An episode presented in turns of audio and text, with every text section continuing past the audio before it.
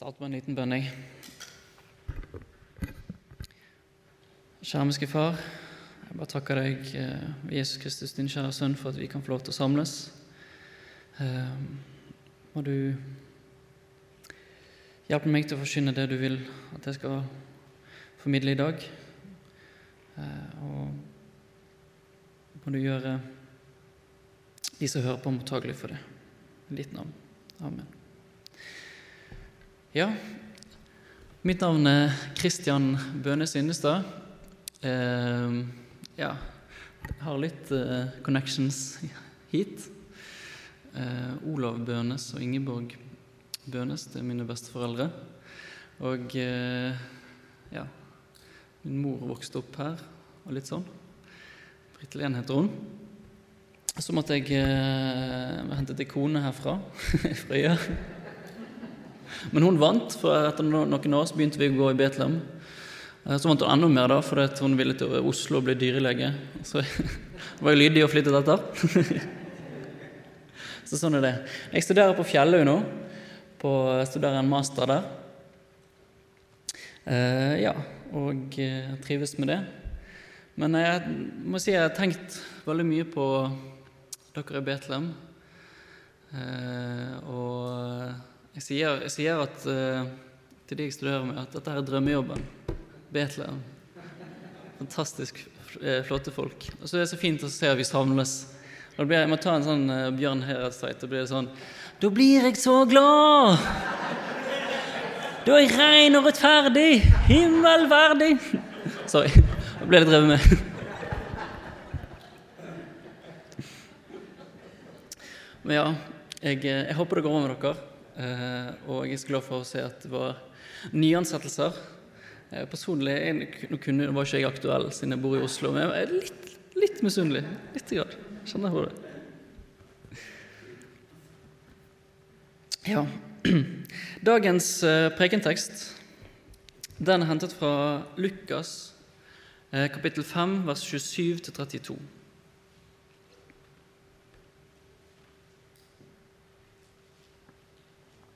Jeg leser. Deretter gikk Jesus ut. Da fikk han se en toller som het Levi. Han satt på tollboden. Jesus sa til ham, 'Følg meg.' Og han reiste seg, forlot alt og fulgte ham. Levi holdt et stort selskap for ham hjemme hos seg, og en hel del tollere og andre var samlet med dem til bords. Fariseerne og de skriftlærde blant dem murret og sa til disiplene.: Hvorfor spiser og drikker dere sammen med tollere og syndere? Men Jesus svarte dem, Det er ikke de friske som trenger en lege, men de syke. Jeg er ikke kommet for å kalle rettferdige, men syndere til omvendelse. Um, for å forstå denne fortellingen her, så tror jeg vi også må se til de foregående versene. Og Der står det om eh, Jesus og den lamme mannen.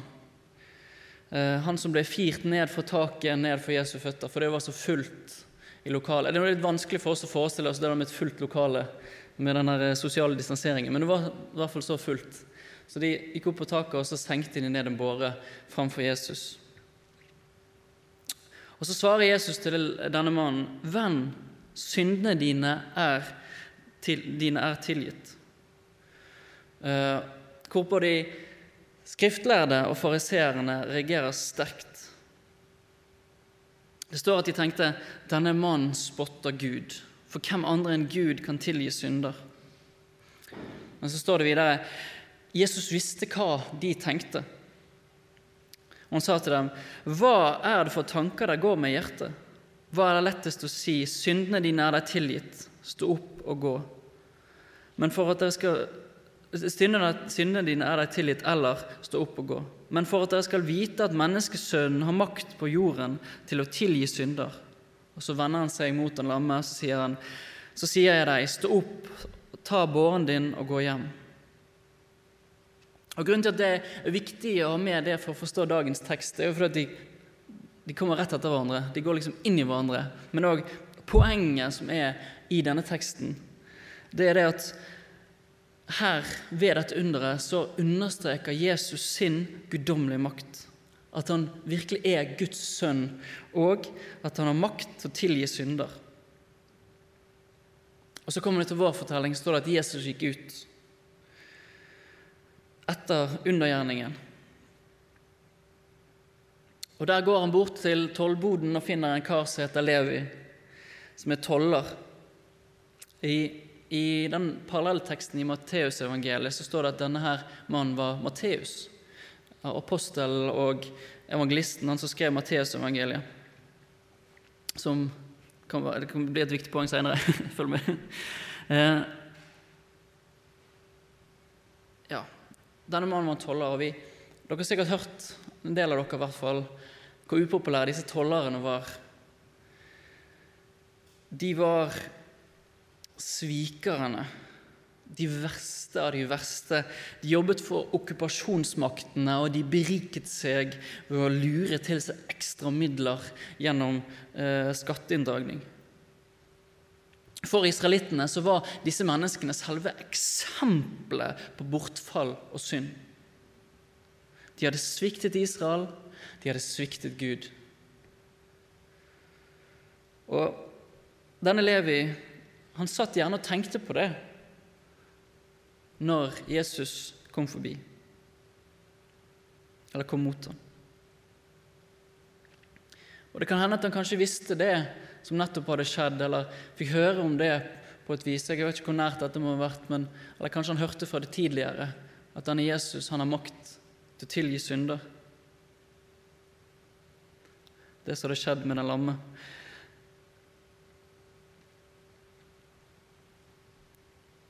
For Levi eh, kan det ha vært redningen for en knust og nedbrutt sjel. Og han kjente gjerne sitt svik og hva hans opprørske og syndige berikelse betydde. Men her kommer det en mann som et, et under hadde stadfestet sin autoritet. Han kommer, han retter, setter øynene sine i Levi og kaller ham til nåde, tilgivelse og omvendelse i to ord. Følg meg. Og dette må jo ha resonnert dypt i Levi sitt indre. Um, for det står at han forlater alt. Snur ryggen mot sitt syndige liv og følger etter Jesus. Han tar en 180 og begynner et liv der han strekker seg etter Jesus. Og Om denne eh, Levi var apostel Matteus, så vet vi hvor stort skille det satt i livet hans, der han gikk fra å være toller til en apostel i tjeneste for, for Gud. Og vi vet ikke helt for sikkert, men ifølge tradisjonen så dør Matteus som en misjonær i Etiopia, som en martyr der. Hmm. Og Om ikke det skulle stemme, så vet vi likevel at han forlater mye. Eh, for han var trolig en ganske bemidlet mann i forhold til det som kommer videre. Eh, for det står det at han arrangerer et stort selskap hjemme hos seg for Jesus.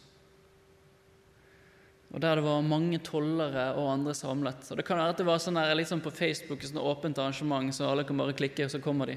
Så du har ikke helt kontroll på hvem som kommer. For det dukker i hvert fall opp en gruppe med skriftlærde og fariseere som går rundt og murrer. Og Du kan liksom, liksom se litt for seg de går rundt i lokalet der, og øynene ruller om kappa. Hæ, er han her? Nei, sitter Jesus med han disipler? Hva i alle dager? Han her er jo den verste av de verste. En, uh, antagelig en ekstremt stor festbrems. For de tar kontakt med disiplene eh, til Jesus. Og de spør de rett ut Hvorfor spiser og drikker dere sammen med tollere og syndere? Det står at Jesus han hører dem. Han svarer dem, det er ikke de friske som trenger en lege, men de syke. Jeg er ikke kommet for å kalle rettferdige, men syndere til omvendelse. Altså De skriftlærde og fariseerne de har misforstått alt. De har misforstått hvem Jesus var, hva han var kommet for å gjøre. Og de hadde fullstendig misforstått sin egen stilling overfor Gud. Uten at de forsto at de var syke og trengte lege, så kunne ikke Jesus tilby de noen ting. For Jesus var her for å kalle syndere som Levi, til omvendelse. Og Det er denne omvendelsen jeg har lyst til å fokusere litt på i dag. Um, hva det innebærer, uh, og hvor essensielt er koblet opp mot syndenes forlatelse og frelse. For når Jesus når han bruker begrepet omvendelse her, så trekker han de store linjene. Helt tilbake til Adam og eh, skapelsen. Helt fra han til Jesus. Eh, og det Nå mistet jeg notatene mine. Skal vi se.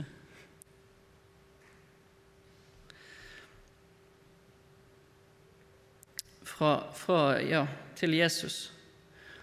For det er i paradis så var Adam med Gud. Han levde i lydighet med Gud og hadde fellesskap med Gud. Men når han snudde seg vekk fra Gud, så mistet han fellesskapet og ble menneskeheten ble, Han ble en representant for oss. Menneskeheten ble forvist fra paradis. Omvendelsen her det handler om å snu seg tilbake. Tilbake til Gud. For det øyeblikket Levi og vi omvender oss, er livet på vei tilbake til Gud. Det er som fortellingen om den bortkomne sønnen. når han lå der i grisebingen sin Ikke sin, men der han til slutt måtte endte opp og skulle kunne få mat. Så kom han med den ydmyke erkjennelsen om at han hadde bedre hos sin far. Og omvendelsen, det var reisen hjem. Erkjennelsen av at han hadde gjort noe galt. Og I Lukas 15, 18 så leser vi om denne erkjennelsen. Det står det at jeg vil bryte opp og gå til min far og si, Far, jeg har syndet mot himmelen, mot deg. Omvendelsen var reisen hjem. Det var veien hjem. I oppriktig erkjennelse over sin synd eh, dro han hjem. Og der ble han tatt imot med åpne armer av en kjærlig og nådig far. Så er omvendelse det første steget i retning hjem. Og så er det viktig å huske at omvendelsen er noe som setter retning for livet. Så lenge vi lever her på jorden, er omvendelsen en integrert del av kristenlivet. Og Derfor er det så viktig å forstå hva det innebærer. Eh, selve ordet omvendelse som er brukt her i, i Levi, fortellingen om Levi, det handler bl.a. om å endre sinnet sitt. En fullstendig endring av sinnet. Om tankemåter. Men så handler det òg om mer enn bare å endre tankemåter. Det handler om en endring som får konsekvenser for måten man handler og lever på. Så det er et annet aspekt som, av omvendelse som kanskje ikke er like kjekt. Som vi, vi var inne på i klokkebønnen. Omvendelse det er nært knyttet til sterk anger overfor noe man har gjort eller har tillatt skje. Omvendelse inneholder som mange har fått oppleve, et aspekt av følelsesmessig sorg. Og som i fortellingen eh, om den bortkomne sønn, så er poenget med eh, oppriktig erkjennelse og forståelse av sin synd viktig.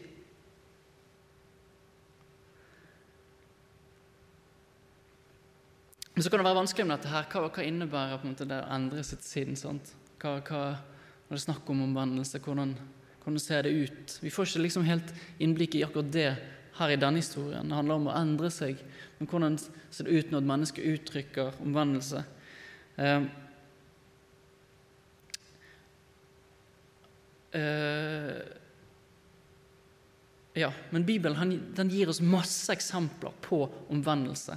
Og kanskje én fortelling om omvendelse som er liksom kronjuvelen av fortellinger om omvendelse. Det handler om fortellingen om kong David. Uh, bare kort bare forteller fortellingen her om uh, kong David. Det, han har en trofast soldat som heter Uria. Så De kjemper sammen, de slåss sammen. Og Etter hvert så blir uh, kong David konge i Jerusalem. Og mens han sitter i Jerusalem, så er Uria ute og slåss for han. Og mens Uria er ute på slagmarken og David er oppe på taket av tilholdsstedet sitt, så ser han Urias kone Batseba som er ute. Og han ble grepet av begjær, og det ender opp med at eh, kong David ligger med denne damen, og hun blir med barn. Men for å skjule det så Først så inviterer da, kong David Uria tilbake igjen. Sant? Og, ja, 'Gå til konen din, du.' Og, ja, nei, vet du hva, i, i, i altså, solidaritet med de mennene som er ute og slåss nå, så kommer jeg til å sove utenfor, sier Uria. Jeg vil ikke sove inne i, i huset mitt. Og Så ender det opp med at han, David får med en annen hærfører i et komplott som ender med at Uria blir drept. Forferdelig historie. Forferdelig historie. Og En stund så levde kong David i en forestilling om at dette kommer jeg til å komme unna med. Men Gud sender en profet til David som het Natan. Og Jeg bare, jeg bare forteller, jeg bare leser det som står i, i, i, i Anders Hamels bok. Nå har jeg ikke ført opp kapitlet, men jeg, jeg, jeg, leser det. Det er ikke så mye. Natan kommer til David forteller en historie. Det handler om at to menn som bor i en by. Den ene var rik, den ene var fattig. Den rike hadde mange småfe og storfe. Den fattige eide ikke annet enn et eneste lite lam som han hadde kjøpt. Han alte det opp, og det vokste sammen med barna hans. Det spiste av brødet hans, drakk av begeret hans og lå i fanget hans. Det var som en datter for ham. En dag kom det en vandringsmann til den rike, men han kvidde seg for å ta noe av sitt eget småfe eller storfe for å lage stand for gjesten. Han tok lammet som den fattige eide, og laget det til mannen som var kommet. Da står det at David ble brennende harm. Han ble sint på denne mannen. Hvordan kunne han gjøre noe sånt? Han roper ut Sannelig, så sant Herren lever, denne, den mannen som har gjort dette, fortjener å dø.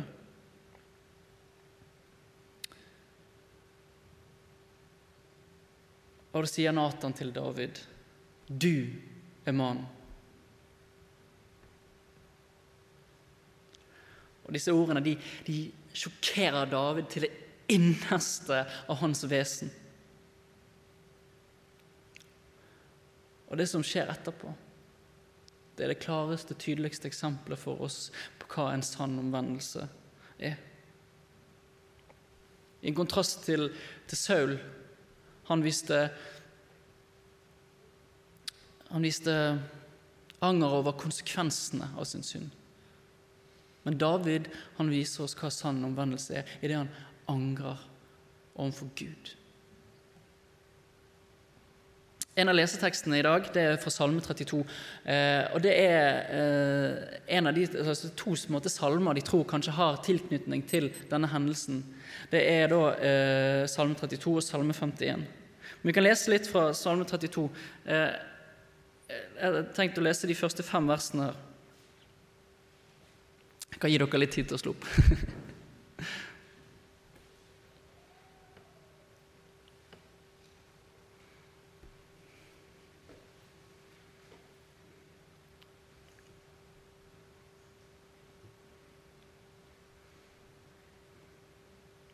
Salig er den som får sine lovbrudd tilgitt og sine synder skjult.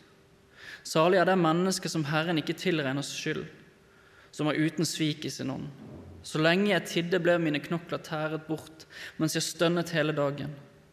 For dag og natt lå din hånd tungt på meg, min livssaft svant som i sommerens hete. Da bekjente jeg min synd for deg og skjulte ikke min skyld.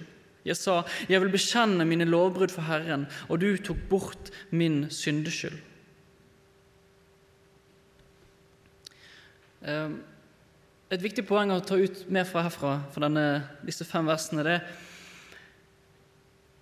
Omvendelse handler om å ikke skjule sin synd, men å komme til Gud sånn som ting er.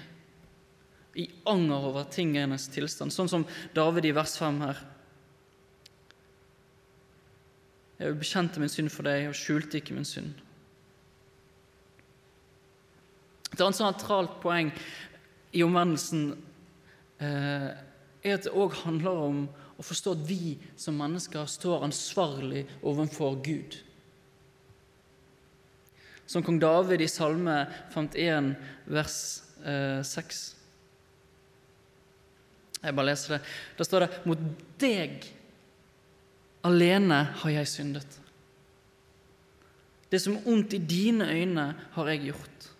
Derfor har du rett når du taler, du er ren når du feller dom.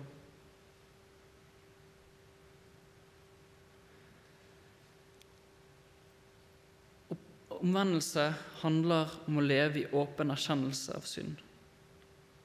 Å leve i oppriktig anger overfor synd, overfor Gud.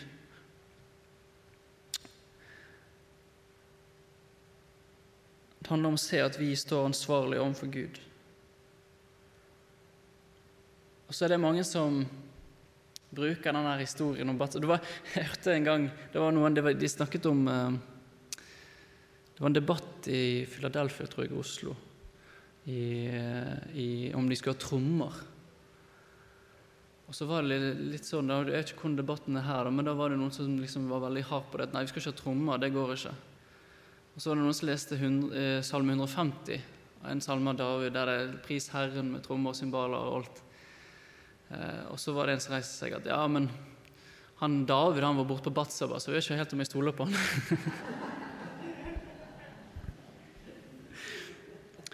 og så Noen ganger så går det andre veien. Ser vi liksom på ja, David gjorde det så ille, så hva liksom, er min synd så dårlig, da? Da glemmer vi det som står i Romerbrevet 3.19 og flere steder i Bibelen. Der står det at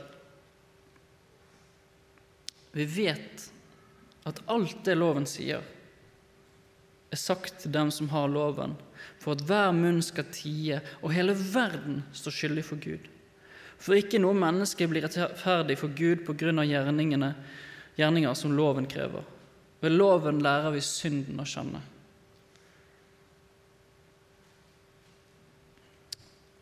Så glemmer vi vår egen synd så glemmer vi at vi òg står overfor en hellig og rettferdig Gud. Der vi ser på Davids gjerninger med skrekk og gru, da må vi desto mer se på hans omvendelse som det største forbildet.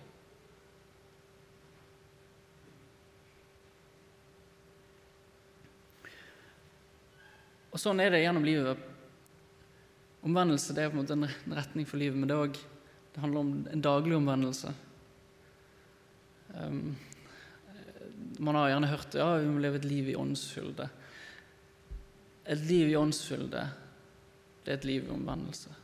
Der Den hellige ånd stadig peker på ting i livet ditt som du må jo, eh, ja, omvende deg fra.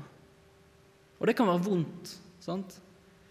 Sånn som David går gjennom, det han jo gikk gjennom. Det behøver ikke være like alvorlig som han. Men i, i, overfor Gud så er all synd alvorlig. Eh, det er ikke Omvendelse det er ikke en intellektuell øvelse. Det handler om et liv som blir snudd rundt. Eh, sånn som hos Levi og den fortapte sønn. Um, omvendelsen er veien hjem. Omvendelsen det er erkjennelsen av syndens konsekvens i møte med en hellig Gud. Uten omvendelsen, uten sorgen over vår synd, uten at det preger oss sånn som det preget kong David Når han utroper i Salme 51 at lemmene hans er knust. Er knust.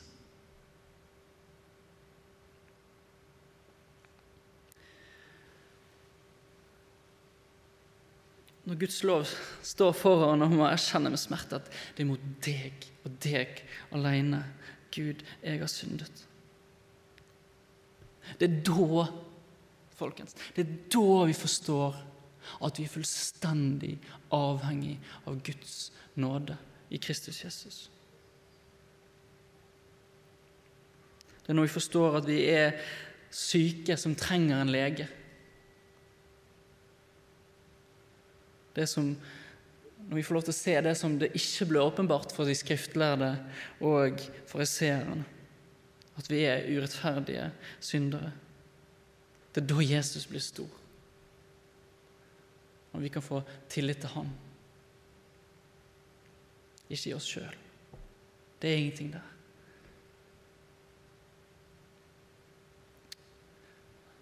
Ja, I forhold til dette med sykdom En del av omvendelsen er, er nettopp det.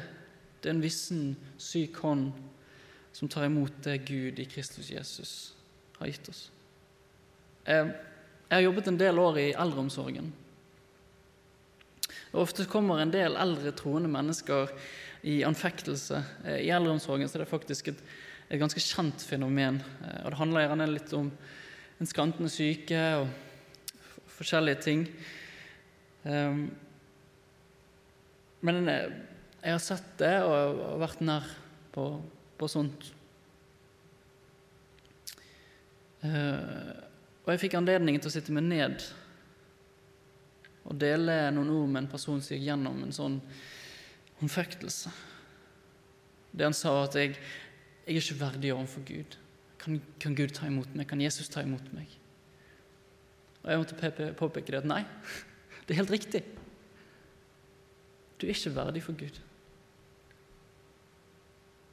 Vi er ikke verdige eller rettferdige oss sjøl overfor Gud. Så fikk jeg lov til å prate litt med denne mannen og holde en liten andakt for han, eh, der jeg så godt jeg kunne prøvde å peke på Jesus. Peke på Jesus og hva han har gjort for oss.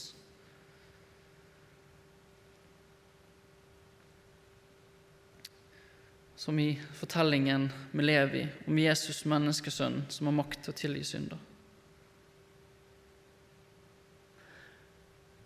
Men det ender opp med at denne mannen jeg satt med, gamle mann, rekker en hånd mot himmelen og sier takk, Jesus, for at du tar imot meg så mye. Og For meg så blir det et veldig godt eksempel for hva det handler om. Omvendelse det er en vissen, tom hånd som tar imot det Gud i sin nåde gir oss av tilgivelse i Kristus Jesus. Som jeg er. Som David, som bekjente sin synd. Så at han syndet mot Gud og sto ansvarlig for Gud. Ærlig erkjennelse av hvem jeg er.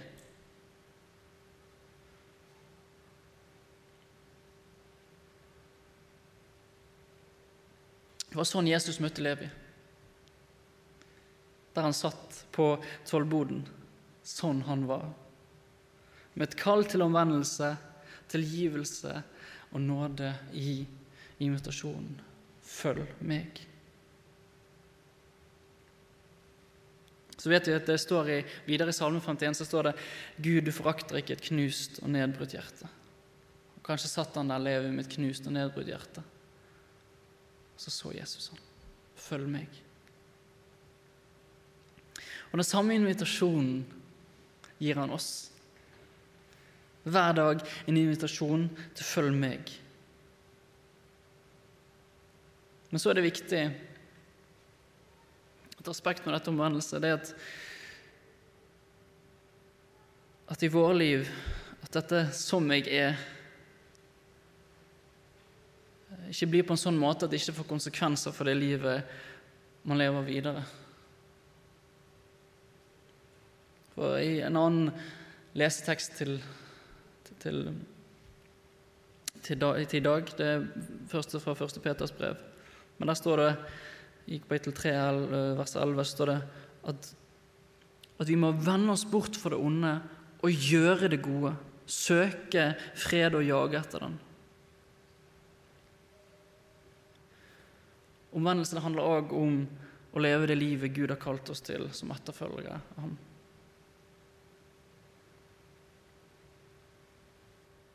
Men med et 'som jeg er', som ser seg sjøl som synder, som fullstendig avhengig av Guds nåde.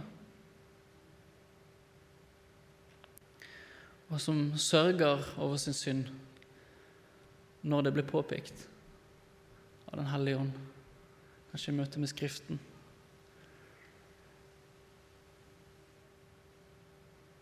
På en sånn måte som David uttrykker det i Salme 51. Og som ber om styrke og hjelp til å leve det livet han har kalt oss til. I et liv som blir preget mer og mer av sånn som jeg er i Kristus. Et menneske som er kalt til å leve et, et liv i helliggjørelse og daglig omvendelse. Helliggjørelse i det vi blir mer og mer lik Kristus, i det vi søker Han og blir påvirket av Hans ord. Daglig omvendelse er det vi ser vår tilkortkommenhet og avhengighet av nåden i Kristus Jesus.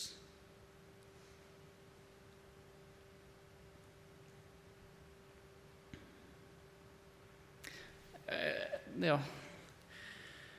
Jeg vil være en av de første til å eh, Og det tror jeg kanskje alle egentlig vil si. Erkjenne at dette her med omvendelse ikke alltid er enkelt. Eh, det er mange tøffe tak i det. Så det er vakkert, sant? for det er den, den første omvendelsen når noen kommer til omvendelse og blir frelst, men så er det jo et liv. sant? Og det er ikke alltid så enkelt. Eh, jeg har ikke kommet så langt ennå. Jeg, jeg leste meg opp til denne talen, så var det en som anbefalte å pugge inn Salme 50 igjen. Jeg kommer til å få bruk for den. pugge inn den. Det står så mye, ikke bare det å erkjenne, men òg i forhold til hvordan Gud tar imot oss som angrende syndere.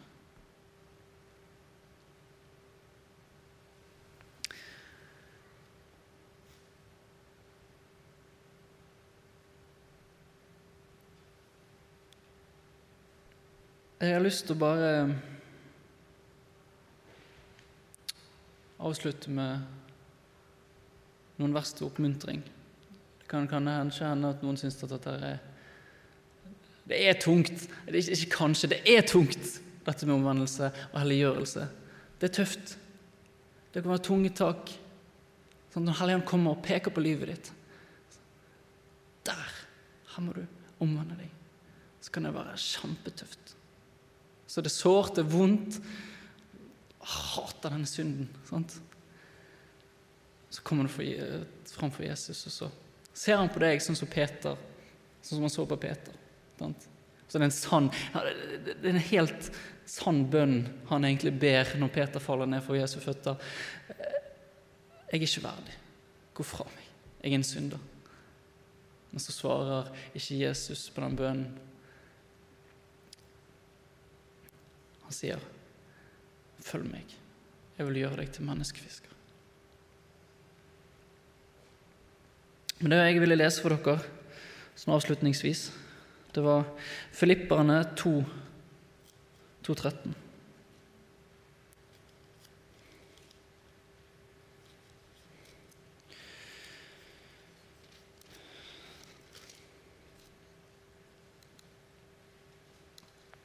Der står det et ord til kjempeoppmuntring. Helt fantastisk ord.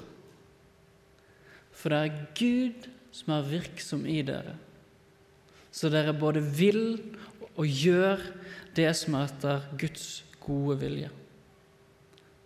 Så det er et løftesord til oss når det er tungt og tøft. Gud som er virksom. Det handler òg om at vi må søke kilden. Søke Hans ord. Være i nærhet. Være i hans nærhet. Skal vi se Og så siste, da. Første Tessaloniker 5, 23. Og det er, en, det er mer en bønn. Det er den bønnen vi ber for hverandre og for oss sjøl. Avslutningen i, i første Tessalonikerbrev står det må Han, fredens Gud, hellige dere helt igjennom, og må deres ånd, sjel og kropp bli bevart uskadet, så dere, kan, så dere ikke kan klandres for noe når vår Herre Jesu Kristus kommer.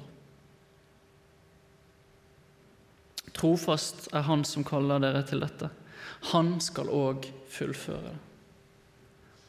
Så ta imot disse ordene, og husk på disse ordene når det er tøft. Han skal òg fullføre. Så Gud hjelpe oss. Jeg ber en bønn. Takker deg, gromiske Far, for ditt ord. Takk for at du sendte din sønn til oss. Takk, Jesus, for at du kaller oss 'følg meg'. Må du hjelpe oss til å leve i oppriktig omvendelse.